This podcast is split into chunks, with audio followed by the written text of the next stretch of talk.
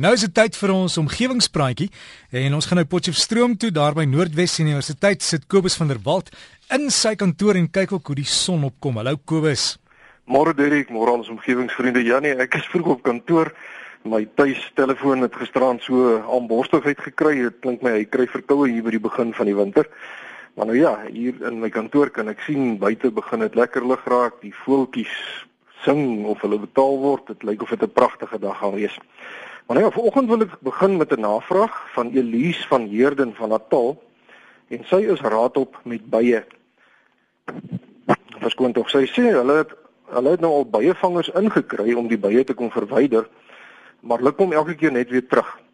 En sy sê hulle is nou besig om die bye te probeer uitroei, maar dit kry hulle nou ook nie reg nie en dis 'n eislike probleem want die bye het al van hulle vee doodgesteek en soms vrees hulle vir hulle eie lewens en nou soek sy raad. Nou mevrou van Heerden, ek het 'n bietjie rondgesoek op die internet en ek het op 'n hele paar rate afgekom. Eerstens kan 'n mens citronella kersse gedurig naby die neste brand totdat die bye nou besluit om iewers anders op 'n plek te gaan nes maak. En dan is daar 'n ander raad om komkommerskille naby die neste strooi. En nog 'n raad is om skottel suikerwater met 'n bietjie seep in naby die neste te plaas. Die bye is agter die suiker aan, maar die seep breek die oppervlakspanning van die water sodat die bye dan op strepe verdrink in die water. Ek dink egter 'n mens moet maar eerder by professionele byvangers bly want in een bykolonie kan daar tot 60000 bye wees. So dit kan doodsgevaarlik wees as mens nie weet wat jy doen nie. En verder is bye reg oor die wêreld besig om uit te sterf. So ek dink nie dis 'n goeie ding om te doen om hulle dood te maak nie, maar eerder om hulle te laat verwyder sodat hulle nou saam met hulle koningin 'n ander plek sal kry waar hulle nou meer welkom is en hulle 'n noodsaaklike bestuivingsrol in die natuur sal kan vervul. Ek hoop regtig u kom reg mevrou van Heerden. Dan Dirk, 'n tweede navraag, uh, mevrou Linda Joubert vra die volgende. Sy skryf: In haar tuin staan 'n groot geelhoutboom wat bessies dra, ja, wat elke jaar middel Mei nou geel raak en sy sê dan sak die vlermuise nou snags daarop toe. Die gemors van hulle mis, soos hulle oor die huis vlieg, beland in die mure en trek dan in die verf in.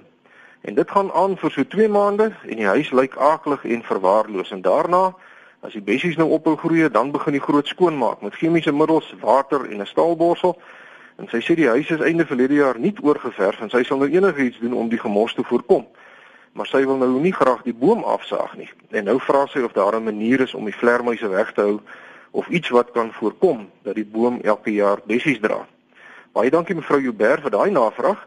En ek het so 'n jaar of 3 gelede reeds oor vlermuise gesels. En as ek reg onthou, was 'n eenvoudige raad, die beste raad is om net 'n skerp lig aan te bring wat dan nou skynbaar die vlermuise weghou.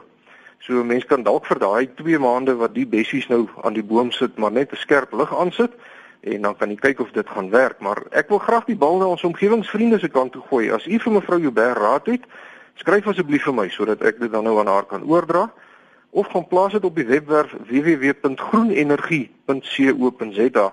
Dit is 'n webwerf wat ons geskep het waarop al ons omgewingsvriende wat oulike idees het, nou die idees kan gaan publiseer sodat ander mense dit ook kan sien. Dit is www.groenenergie.co.za. En dan omgewingsvriende, het ek 'n vraag ontvang van Dr. Jean Maree wat wil weet presies wat 'n reuk is en hoe dit werk dat 'n mens iets kan ruik. En dis 'n baie eenvoudige vraag, maar die presiese meganisme is ongelooflik ingewikkeld en ek is nou nie 'n medikus nie, so ek gaan vanoggend maar slegs probeer om 'n baie basiese verduideliking te gee. Nou eerstens is 'n reuk niks anders nie as 'n gas of 'n mengsel van gasse. En verskillende gasse bestaan natuurlik uit verskillende chemiese stowwe. En elke chemiese molekuul het 'n spesifieke vorm.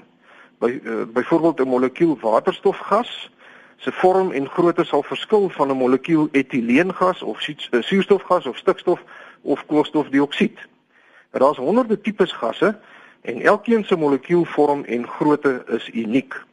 Lank voor hierdie feit reeds bekend was, reeds in die 1ste eeu na Christus, het die Romeinse filosoof Lucretius gespekuleer dat verskillende reuke uit verskillende atome bestaan en dat elke verskillende atoom 'n ander invloed sal hê op ons reuksintuig en hy was reg want 'n mens se reuksintuig bestaan uit miljoene eh, reseptorselle wat ons in leeketaal kan vergelyk met verskillende slotte. Met ander woorde, daar's verskillende soorte reseptorselle En elkeen van die tipe selle kan slegs met die korrekte sleutel aangeskakel word of geaktiveer word. Nou die sleutels is natuurlik die verskillende molekuulvorms en groottes van die gasse.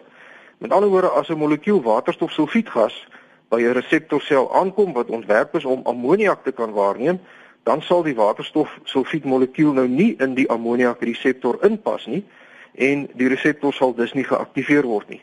Maar wanneer die waterstofsulfietmolekuul egter by 'n waterstofsulfiet reseptor aankom, dan sal die molekuul nou mooi in die sel se sleutelgat inpas en die reseptor dan aktiveer wat dan 'n sein na ons brein toe stuur wat ons inlig dat ons iets ruik wat soos vrot eiers ruik. Nou die kombinasie van al die seine na ons breine toe stel ons dan in staat om gasse te ruik of te identifiseer of dan kombinasies van gasse en sommige reuke vind ons aangenaam terwyl ander reuke vir ons onaangenaam is. Nou mense het omtrent 1000 gene wat met reukherkenning te maak het. Maar soos ons almal weet, is die mens se reuksintuig baie swakker ontwikkel as diere se. Ons reuksintuig en ons smaaksintuig werk ook op 'n manier saam om tussen verskillende smake en reuke te kan onderskei. Ons smaaksintuig sit op die tong en 'n mens kan slegs tussen 5 smake onderskei, naamlik soet, suur, sout, bitter en 'n smaak wat eers onlangs in die westerse wetenskap ingesluit is wat umami heet. Nou umami is 'n Japanse woord wat aangenaam of lekker beteken. Met ander woorde 'n smaak wat jou meer wil laat eet en dit word beskryf as die effe vleisagtige smaak wat ons aantref in onder andere kaas, sojasous, tomaties, graan of boontjies.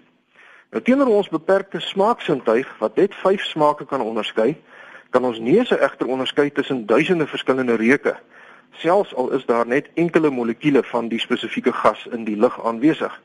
Nou as ons nou die lug intrek deur ons neuse, dan werk ons reuksintuig om vir ons 'n reuk te identifiseer. En as ons dan die lug weer uitasem, dan help ons reuksintuig ons smaakorgane op die tong om 'n idee van smaak te vorm. So ons neus help ons om te proe, maar ons tonge kan ons nou nie help om te ruik nie. En dit is juis wat ons anders maak as uh, verskillende reptiele in die natuur. Reptiele steek hulle tonge uit en dan druk hulle die molekuule wat dan op die tong gaan vassit teen 'n reseptor binne in hulle monde vas om te kan ruik. Dis hoekom 'n slang sy tong flikker. Hy's besig om te ruik. Nou iets baie interessant met betrekking tot die menslike reuksintuig is die feit dat vroue beter as mans kan ruik en dat 'n vrou se reuksintuig sterker is wanneer ovulasie plaasvind.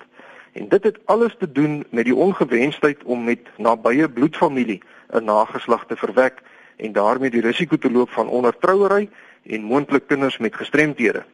Mense kan hulle eie kinders bloot op reuk identifiseer En boeties en sissies kan mekaar ook met hulle neuse identifiseer. 'n Pa of 'n ma kan egter nie 'n aangenome kind of 'n stiefkind tussen ander uitreik nie. En net so kan 'n getroude man en vrou mekaar ook nie tussen ander mense uitreik of uitsniffel nie, al is julle ook 50 jaar lank gelukkig met mekaar getroud. Dis net bloedfamilie wat mekaar skynbaar met hulle neuse kan identifiseer.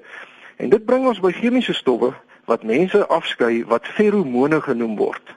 Nou 'n feromoon het die vermoë om 'n sekere sosiale reaksie by individue van dieselfde spesies teweeg te bring en die aard en die invloed daarvan is goed gedokumenteer by veral insekte soos bye waarmee ons nou vanoggend begin het.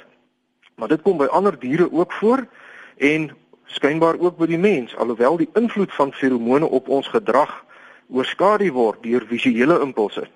Met ander woorde 'n jong man sal veel eerder 'n meisie raak sien omdat sy mooi en sag op die oog is as omdat hy 'n reukboodskap van haar feromone afkry.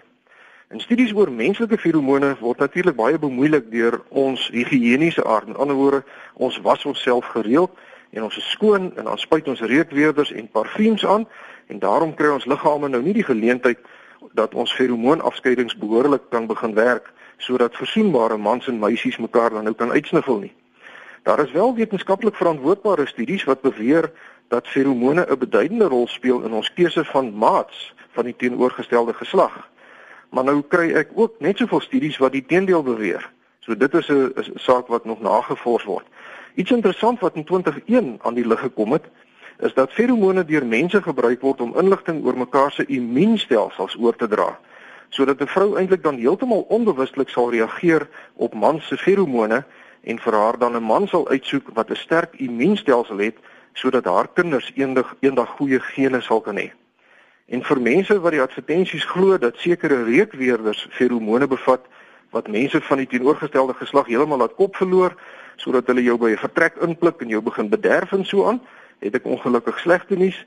Daar is in goed gedokumenteerde wetenskaplike studies in 2003 en in 2006 bevind dat daar geen sodanige invloede is nie.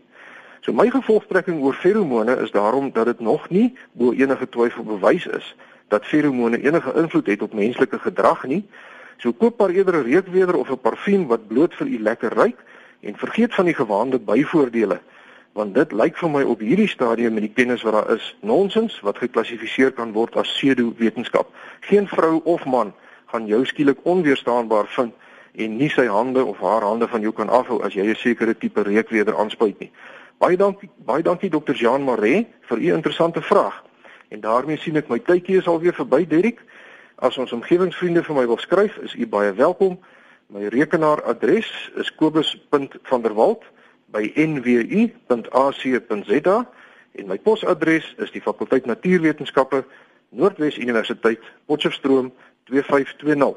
Ek hoop u het 'n heerlike uh vakansiedag vandag en u vier lekker saam die vryheid wat ons nou almal het in Suid-Afrika. Ek hoop u kyk lekker rugby en vanaand as u dalk ietsie op die kole gooi saam met 'n klompie vriende, hoop ek u het 'n wonderlike tyd. Hartlike groete tot 'n volgende keer. Tot 'n volgende keer. Dankie daaraan Kobus, Kobus van der Walt.